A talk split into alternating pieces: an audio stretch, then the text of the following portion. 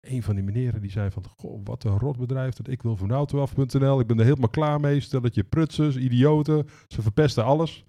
En ik denk ook dat het maken van fouten is de allermooiste leerschool die er is. Welkom bij Faalverhaal, de podcast waarin we praten over falen in plaats van overwinningen. Elke aflevering ga ik in gesprek met iemand die succesvol heeft gefaald en hierdoor de allerbeste versie van zichzelf is geworden. Zoals de bekende gezegde luidt: slimme mensen leren van hun eigen fouten, maar wijze personen leren van de fouten van anderen. En dat is precies wat we vandaag gaan doen. Maak je klaar voor een inspirerende aflevering met een fantastische gast. Dit is de Faalverhaal Podcast.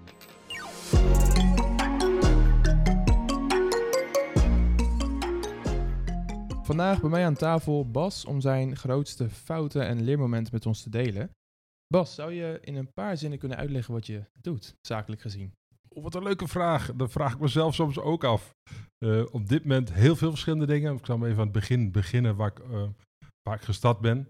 Ik ben geboren tussen het tankstation en de werkplaats in. Volledig in die automotive. Uh, als jonge jongen die daar de auto's aan het wassen was, de trein aan het aanvegen. Tot werkplaatsreceptie in de verkoop. Nou, uiteindelijk afgestudeerd op de commerciële economie. Um, nog een poosje in Amsterdam gewerkt. Op mijn vader riep van, hey Bas, wil niet terugkomen naar Twente? Ik heb een uh, autobedrijf geopend en ik heb nog iemand nodig. Ik zeg, ja paps, wat gaat er betalen? Hij zegt, voor de helft wat je nu verdient, maar je mag wel terug naar Twente. Ik zeg, kom eraan, ik pak mijn boeltje in. En toen, ja, tien jaar lang in die automotive actief geweest. Autobedrijven gehad, auto's geïmporteerd, werkplaatsformules geëxporteerd, uh, merkdealer geweest. Alles gedaan in de automotive op dat gebied, wat je binnen het standaard autobedrijf kon doen. Toen hebben we met de familie afscheid genomen van de autobedrijven. En toen zijn we gestart met ik wil van mijn auto af. Ja, is echt in, uh, in, in, de tien jaar dat ik ermee bezig ben geweest. Gegroeid van ongeveer 500 auto's per jaar naar 40.000 voertuigen per jaar wow. in totaal vier landen. Dus een, uh, een, een, enorm gave reis meegemaakt. Maar ik had mezelf altijd voorgenomen dat ik dingen tien jaar wou doen. Dus ik heb tien jaar op school gezeten, even kort afgerond. Daarna tien jaar lang traditionele autodealer geweest. Tien jaar, lang, tien jaar lang meegebouwd en ik wil van mijn auto af.nl. Ik denk, nou, wat ga ik nu doen dan? En ja, na tien jaar begon een beetje te jeuken. Ik was op begin 40 jaar. Worden mannen allemaal wat onrustig. Ik denk, ik ga nog gewoon een keer weer opnieuw voor mezelf beginnen. En, maar ja, dan moest ik thuis wel uitzien te leggen. Ik had een goed salaris, alles was goed geregeld. Dus ik naar mijn vrouw toe. Ik zeg, vrouw, mm, ik ben begin 40, ik ben onrustig nu. Ik heb twee mogelijkheden. Of ik ruil jou in voor een blondine en een Harley Davidson. Of ik begin een nieuw bedrijf. Wat zo doen? Nou, dit is het, nieuwe, het laatste geworden gelukkig. We zijn nog steeds gezellig samen. En ja, zo'n vier, vijf jaar geleden ben ik met Mr. Wilson gestart. Een volledig nieuw online concept waarbij je online een bijna nieuwe auto uit het buitenland kunt kopen. Ik heb dat zo'n vier jaar gedaan. Toen kwam ik erachter dat ik toch meer een bouwer ben dan een conciërge. Ik vind het, ja, een bestaand bedrijf runnen vind ik niet zo leuk. Heel herkenbaar. Ik vind het, ik vind het veel leuk om te bouwen en nieuwe dingen te doen. Dus uh, er kwam het andere omstandigheden bij. En zo'n ruim jaar geleden heb ik uh, bijvoorbeeld besloten om ja, niet meer uh, actief bezig te zijn met die formule. Er, zit gewoon een team op dat draait. En vooral nieuwe ondernemers te gaan helpen, ondernemers te gaan helpen bij het ontwikkelen van een bedrijf, uh, vraagstukken oplossen. En echt een soort coach, begeleider, um, consultant. Ik zit allemaal een beetje enge jeukwoorden. Maar als ik dan toch moet omschrijven, zou ik het liefst wel zo doen. Ik, ik probeer heel veel ondernemers te helpen met, met vraagstukken. En ik heb, ben erachter gekomen dat ik met name goed ben op het stukje conversieverbetering. Als je je bedrijf hebt en je wilt je bedrijf laten groeien, dan zijn heel veel ondernemers geneigd om meer aan marketing uit te geven. Ja, totdat je het maximale bedrag betaalt in Google en uiteindelijk echt niks kunt verdienen. Nou, ik vind het heel fascinerend om te kijken van hey, hoe kun je nu uit je bestaande werkplaats of uit je bestaande websitebezoek meer aanvragen realiseren, meer leads genereren. Hoe kun je vervolgens uit die leads meer opdrachten genereren en ook zorgen dat die opdrachten doorgaan en betaald worden en niet voor een narigheid achteraf zorgen. En als je al die conversiepunten maar ietsjes weet te verbeteren, dan zie je dat je aan het eind van het verhaal met jouw bestaande marketingbudget zomaar je omzet kunt verdubbelen. Ja. ja dat is natuurlijk goud. Ja, absoluut. Het, uh, het, het, is fantastisch. En ook als ik jouw verhaal zo aanhoor, je hebt natuurlijk heel veel gebouwd. Je, je bent een absolute bouwer, zeg je. Ik kan me voorstellen dat het ook best wel wat failures met zich meebrengt. Het zal niet altijd goed gegaan zijn. Zou je je grote faalverhaal eigenlijk met ons uh, willen delen? Ja, absoluut. Dat heb je me gevraagd. En ik ging in mijn brein zoeken en, en kijken wat waren nou echt de leuke, aantrekkelijke verhalen. En natuurlijk maakt iedereen de standaardfouten wel. En dat is niet erg, dat hoort ook bij ondernemen. Maar met name in de internationale expansie van je onderneming, daar zitten echt hele grote valkuilen. Ik zal er zo meteen een paar benoemen. Maar ik zal eerst eens beginnen met een, ja, toch wel een faalverhaal binnen Nederland, wat echt wel een hele leuke was. Ik was binnen, binnen Ik Wil Van de Auto Af, was ik verantwoordelijk voor een stuk marketing de eerste paar jaren dat we daarmee actief waren. En onder andere de radiocommercial, die je misschien wel kent. Ik wil van mijn auto af. Nou, dat is een hele mooie techno-reclame commercial hebben we destijds ontwikkeld. Een enorm lange zoektocht voor die gevonden hadden. En ja, die draaide best goed op de radio. Toen dacht ik van, hé, hey, misschien dat we die ook in video moeten gaan inzetten. Maar we werden ook heel veel betrokken bij ja, nieuwe uh, testen met nieuwe producten. En YouTube bestond toen nog niet zo heel lang. En dat was de tijd dat ze ook met pre-rolls beginnen, begonnen bij YouTube. En goh, uh, ik wil vanuit af, willen jullie daar ook niet mee gaan testen? Dus we hadden een mooie commercial gemaakt. En die hadden we meegedraaid, uh, of, of in YouTube mee laten draaien. Pre-roll bestond nog niet. Iedereen kon tot dat moment reclamevrij YouTube-filmpjes kijken. Nou, dat, dat kennen we niet. De perfecte tijden. dat was ooit. En ja, wij gingen dat doen en we gingen test draaien. En dat was een hele mooie uh, mini-commercial van een 15 of 30 seconden op basis van ik wil van mijn auto af. Radiocommercial. Dus dat was wel leuk. Dat was een stukje herkenbaarheid. Moeten we daar ook gaan doen. Maar die pre-rolls die waren heel goedkoop. Die draaiden maar, ik geloof, een cent per view of zo. Als die uitgekeken was, betaalden we bijna niks omdat er nog geen concurrentie was. Dat was een hartstikke leuk begin. Um, dus wij gingen een beetje in die knoppen draaien. Gingen kijken, hey, wat doet dat qua conversie? Wat doet dat qua naamsbekendheid? Uh, hoe is de conversie van die leads die binnenkomen? Is die ook beter dan bijvoorbeeld een radiocommercial uh, lead? We zagen dat hij het eigenlijk heel goed deed. Dus wat deden we? We gingen die budgetten opschroeven. En eigenlijk gingen die budgetten gewoon maximaal zetten. Met het hoogtepunt dat wij voor bijna elke video die gekeken werd op YouTube uh, te horen waren. Nou, dat ging hartstikke leuk. Maar, Twitter was toen ook nog Twitter, geen X. En wat zagen we daar? Ik zag in één keer mopperende mensen voorbij komen. En een van die meneren die zei van, goh, wat een rotbedrijf, dat ik wil van autoaf.nl, ik ben er helemaal klaar mee, stel dat je prutsers, idioten, ze verpesten alles. Ik voelde me wel een beetje, mm, dat deed wel even pijn. Dus ik via, via contact gezocht, DM met je, uiteindelijk die man die reageerde ook, aan de telefoon gehad. En uh, ik zei, joh, waarom heb je zo'n aversie tegen ons bedrijf? Dat vind ik toch vervelend. We zijn voor ons gevoel een heel mooi bedrijf aan het bouwen. En dat doet wel pijn als iemand daar een negatieve mening over heeft of negatieve ervaring. Nou, dat ga ik je vertellen, zegt hij. Um, ik ging op date. Dus ik had een uh, lekker uh, potje eten gekookt. Uh, lekker Italiaans gekookt. Een mooie playlist voorbereid in YouTube. De sfeer die kwam er mooi in. Alleen, tussen elk van die liedjes kwam... Ik wil van mijn auto af.nl. Dus ja, die man zijn romantische avond... die hebben we heel goed bedorven met onze commercial in, in, de YouTube pre-rolls. Dus dat was achteraf wel een... Ik snap de frustratie. Een failure van onze kant dat we ja, een beetje greedy werden en misschien een beetje onze hand overspeeld hebben erin. Maar wel heel leuk, het was wel een, een, gave ervaring. Maar ja, dan ga je verder met ikwilvanauto.nl en dan ga je eerst in Nederland, word je groot en succesvol. Dan ga je in België draaien. Nou, wat doe je na Nederland en België? Als je nog een land erbij wil pakken om je internationaal uit te breiden, Natuurlijk, je gaat naar de Silicon Valley, naar San Francisco. Ja, daar gebeurt het. Nou, als je daar groot bent in de Valley, dan ben je overal groot. Nou, nou wat leuke anekdotes meegemaakt. Nou, een van de dingen die we, die tegenkwamen was dat wij nog niet echt een ruimte konden vinden waar we konden zitten, ons bedrijf. En we zochten eigenlijk iets waar we konden slapen en werken. Een mooie loft met een slaapgedeelte erin, werkgedeelte. Dus wij zoeken in San Francisco, wat kunnen we vinden daar? En nou, wij uiteindelijk een mooie ruimte gevonden. Was wel duur, kostte 10.000 dollar. Dat is wel geld, dus wij als echte Hollanders, we gingen bellen van tevoren. Zei, joh, we zijn volgende week in San Francisco, we zoeken een ruimte. Mogen we even komen kijken, kunnen we afspraak maken? Ja, zeker kan dat, geen probleem. Natuurlijk allemaal mooi in het, in het Amerikaans-Engels. En, um, maar ja, we zijn wel Hollanders en we gaan natuurlijk wel even kijken of we voorhand al een beetje kunnen onderhandelen. Dus we vroegen zo van, ja, die 10.000 dollar, is het just de asking price of uh, zit er nog wat ruimte in? Kunnen we daar nog iets mee? Of uh, dat weten we waar we rekening moeten houden. Nee, nee, dit is onze vaste weekhuur. Oh, ik zie net dat onze afspraak volgende week toch niet doorgaat. Uh, ah, dat bleek dus niet een maandhuur te zijn, maar een weekhuur. Dat waren wij natuurlijk niet gewend. Dat, is, dat was wel ook wel een pijnlijke ervaring. Uiteindelijk zouden we niet in San Francisco zelf gaan zitten. Dat is echt onbetaalbaar. In San Francisco is geen huis te koop onder een miljoen. Het is gewoon, de Valley heeft er zoveel geld gebracht, al die successen, dat en iedereen wil San Francisco zelf wonen, dus echt knetterduur. Nou, dan ga je langzaam zoeken, moeten we iets verder van de stad af gaan zitten. En uiteindelijk kwamen we in Pleasanton terecht. De Pleasanton op een drie kwartier rijden van San Francisco. En zijn we daar dat bedrijf gestart. En we zijn kijken, nou kunnen we datzelfde wat we in Nederland doen. Ik wil van auto af, kunnen we dat ook in Amerika ook tot een succes brengen. Dat was het idee dat we de auto's daar gingen sourcen, dus daar de auto's van particulieren inkopen.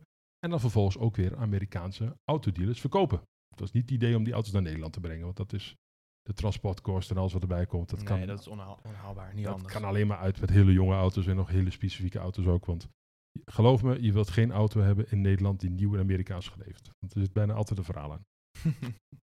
Maar wij daar jaren ploeteren, ploeteren, ploeteren. En wat merkten we nou?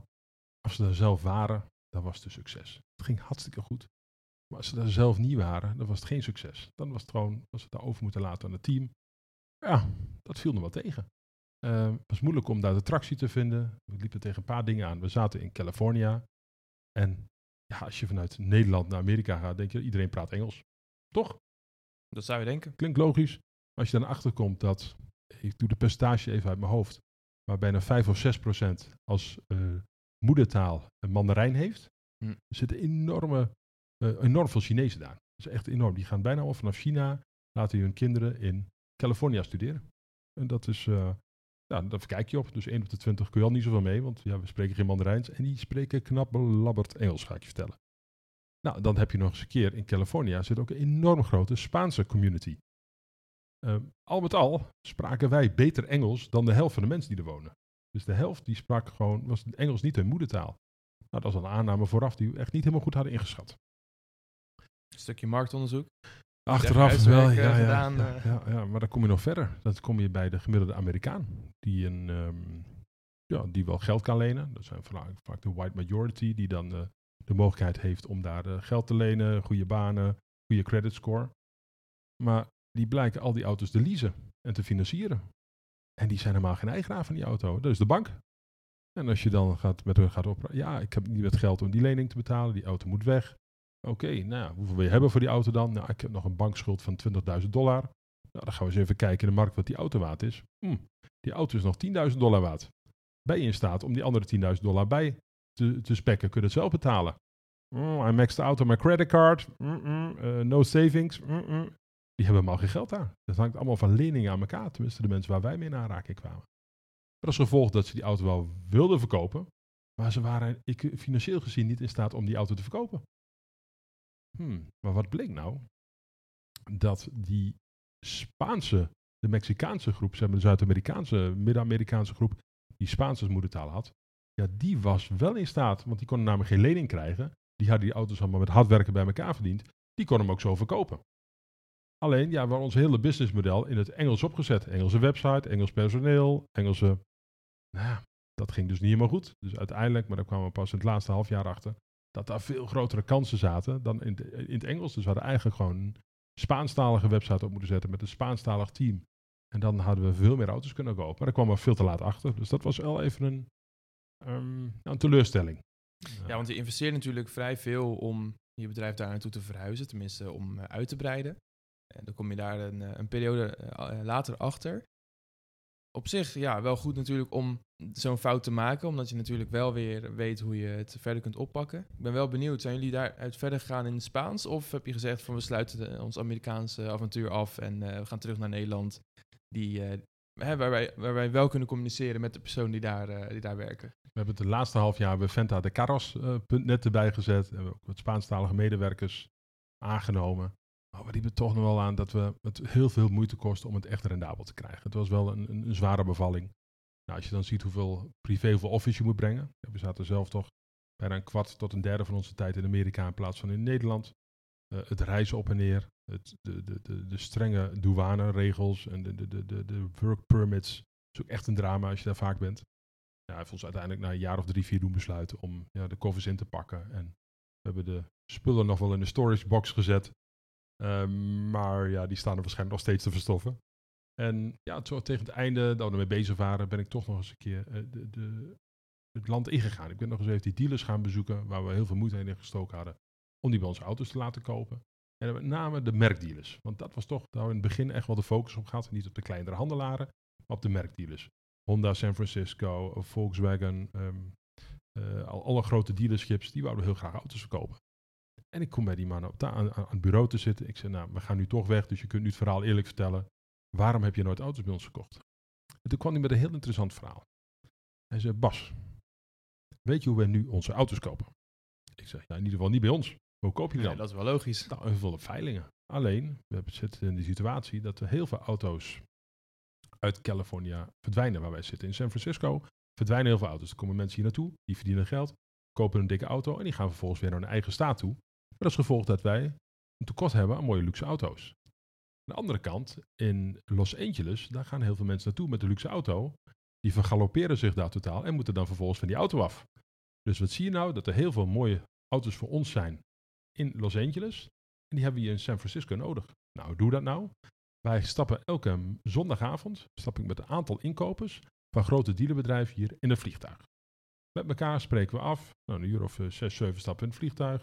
Dan zijn we een uur of ehm, acht, negen s'avonds we in Los Angeles. Nou, en dan gaan we er leuk stappen s'avonds met elkaar. Nog even een biertje drinken. En de volgende dag gaan we naar een auction. En er zijn een aantal auctions zijn naar elkaar. Weet je, maandagochtend, maandagmiddag, dinsdagochtend, dinsdagmiddag en woensdagochtend nog eentje. Vier, vijf achter elkaar. Nou, ik heb een behoorlijk budget van mijn directeur mee om de auto's te kopen. En, maar er zitten een paar slimme verkopers bij op die veilingen. Wat die doen, iedere keer als ik daar een auto koop, krijg ik 50 dollar in de handen gestoken. Contant. Die zitten gewoon met flappen uit te delen. Nou, je raadt al waar dat geld s'avonds belandt. Dan gaan we weer met mijn matties, met andere inkopers, gaan we s'avonds even weer mooie verhalen ophangen wat we allemaal gekocht hebben. Kroeg in, kroeg uit. En dat wordt laat, ga ik je vertellen. En dat doen we ook nog eens een keer op de dinsdagavond. En woensdagmiddag, dan pakken we de allermooiste auto die we gekocht hebben in die week, in die paar dagen ervoor. Dan stappen we in. Vaak een mooie cabrio met een V8. Het dakje gaat naar beneden. En ik rij met een mooie V8 cabrio van Los Angeles, Bob, terug naar San Francisco. En jij vertelt dat ik dat gewoon op de zaak achter de computer moet gaan doen. Wat denk je zelf? Zou jij dat ook kunnen ontdekken zo- vanuit het veilige Nederland, zonder dat ooit te ervaren? En zou zo'n failure niet jou tot de positie hebben gebracht zoals, ja, waar je nu staat? Denk je dat dat niet heel veel ervaring ook met zich heeft meegebracht? Of denk je dat het allemaal achteraf eh, ook vermeden kon worden? Eh, Er zijn onderzoekers geweest en die hebben mensen gevraagd op hun sterfbed van wat zijn nou de dingen in het leven waar je spijt van hebt. Wat blijkt daaruit is dat mensen vooral spijt hebben van dingen die ze niet hebben gedaan. Mensen hebben heel weinig spijt van dingen die ze wel gedaan hebben, maar ze hebben vooral spijt van dingen die, die ze niet hebben gedaan. En ik denk ook dat het maken van fouten is de allermooiste leerschool die er is. En soms doen ze pijn. En soms doen ze heel veel pijn. Maar het is ook heel belangrijk om te genieten van die reis. Genieten van de pijn. Genieten van de failures. Want van elke failure, elke fout die je maakt, elk moment van falen, daar leer je gewoon verschrikkelijk veel van. En ik, ik, ik ben dan nu een jaar of, even kijken, sinds mijn 16e, 17e ben ik echt ondernemend. Een jaar of eh, 30, 3, 34. En ik heb heel veel fouten gemaakt en ik heb van elke fout heb ik genoten. Je steekt ze allemaal mee. Je steekt ze allemaal in je rugzak. En het mooie is ook als jij fouten op kleine schaal maakt, die helpen jou ook om fouten op grote schaal in een later stadium van je leven te voorkomen. Dus maak ze maar gewoon. Maak ze, mag, mag een paar duizend euro kosten. Het mag best pijn doen. Maar het zorgt er misschien later voor dat je tienduizenden euro's of misschien honderdduizenden euro's, misschien zelfs miljoenen niet verliest. Dus het, het- je leert overal van. En ik vond het een ja, prachtig avontuur. Ik, het, we kunnen niet zeggen dat Amerika een succes voor ons is geworden. Als je gaat op zakelijk vlak. Maar het is wel een enorm succes geworden op persoonlijk vlak. Ik heb er zo verschrikkelijk veel van geleerd. Ik begrijp Amerikanen nu ook een beetje beter. Ik heb ervan geleerd dat de marketing in Amerika compleet anders is dan wat wij in Nederland als normaal ervaren en als prettig ervaren. Het is een heel andere belevenis.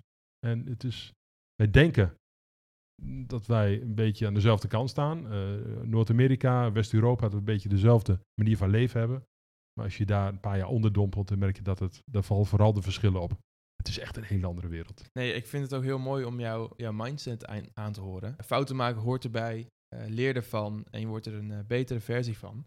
Ehm, ja, ik vind het heel mooi hoe jij daarin staat. Ik vind het ook heel leuk om je verhaal te horen. En ik ben ook heel erg dankbaar dat je vandaag met ons publiek eh, je verhaal wilde delen.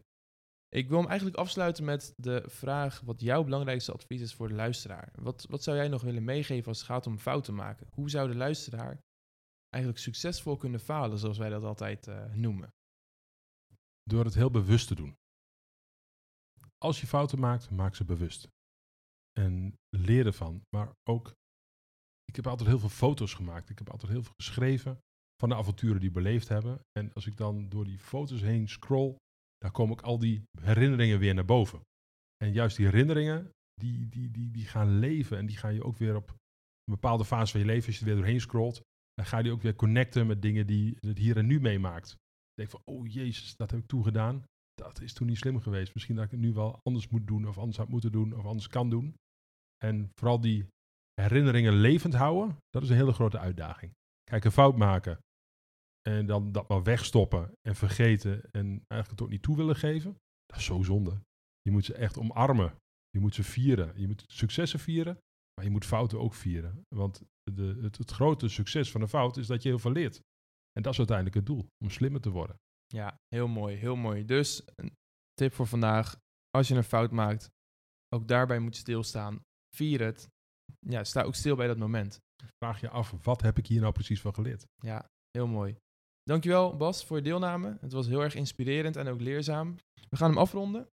Heb je als luisteraar genoten van deze aflevering? Vergeet zeker niet om de podcast te delen met je omgeving, ons te volgen op social media en je gratis te abonneren via jouw favoriete streamingdienst. Wil je meer van de deelnemer horen? In de beschrijving staat een link naar zijn LinkedIn-profiel waar hij nog heel veel verhalen deelt.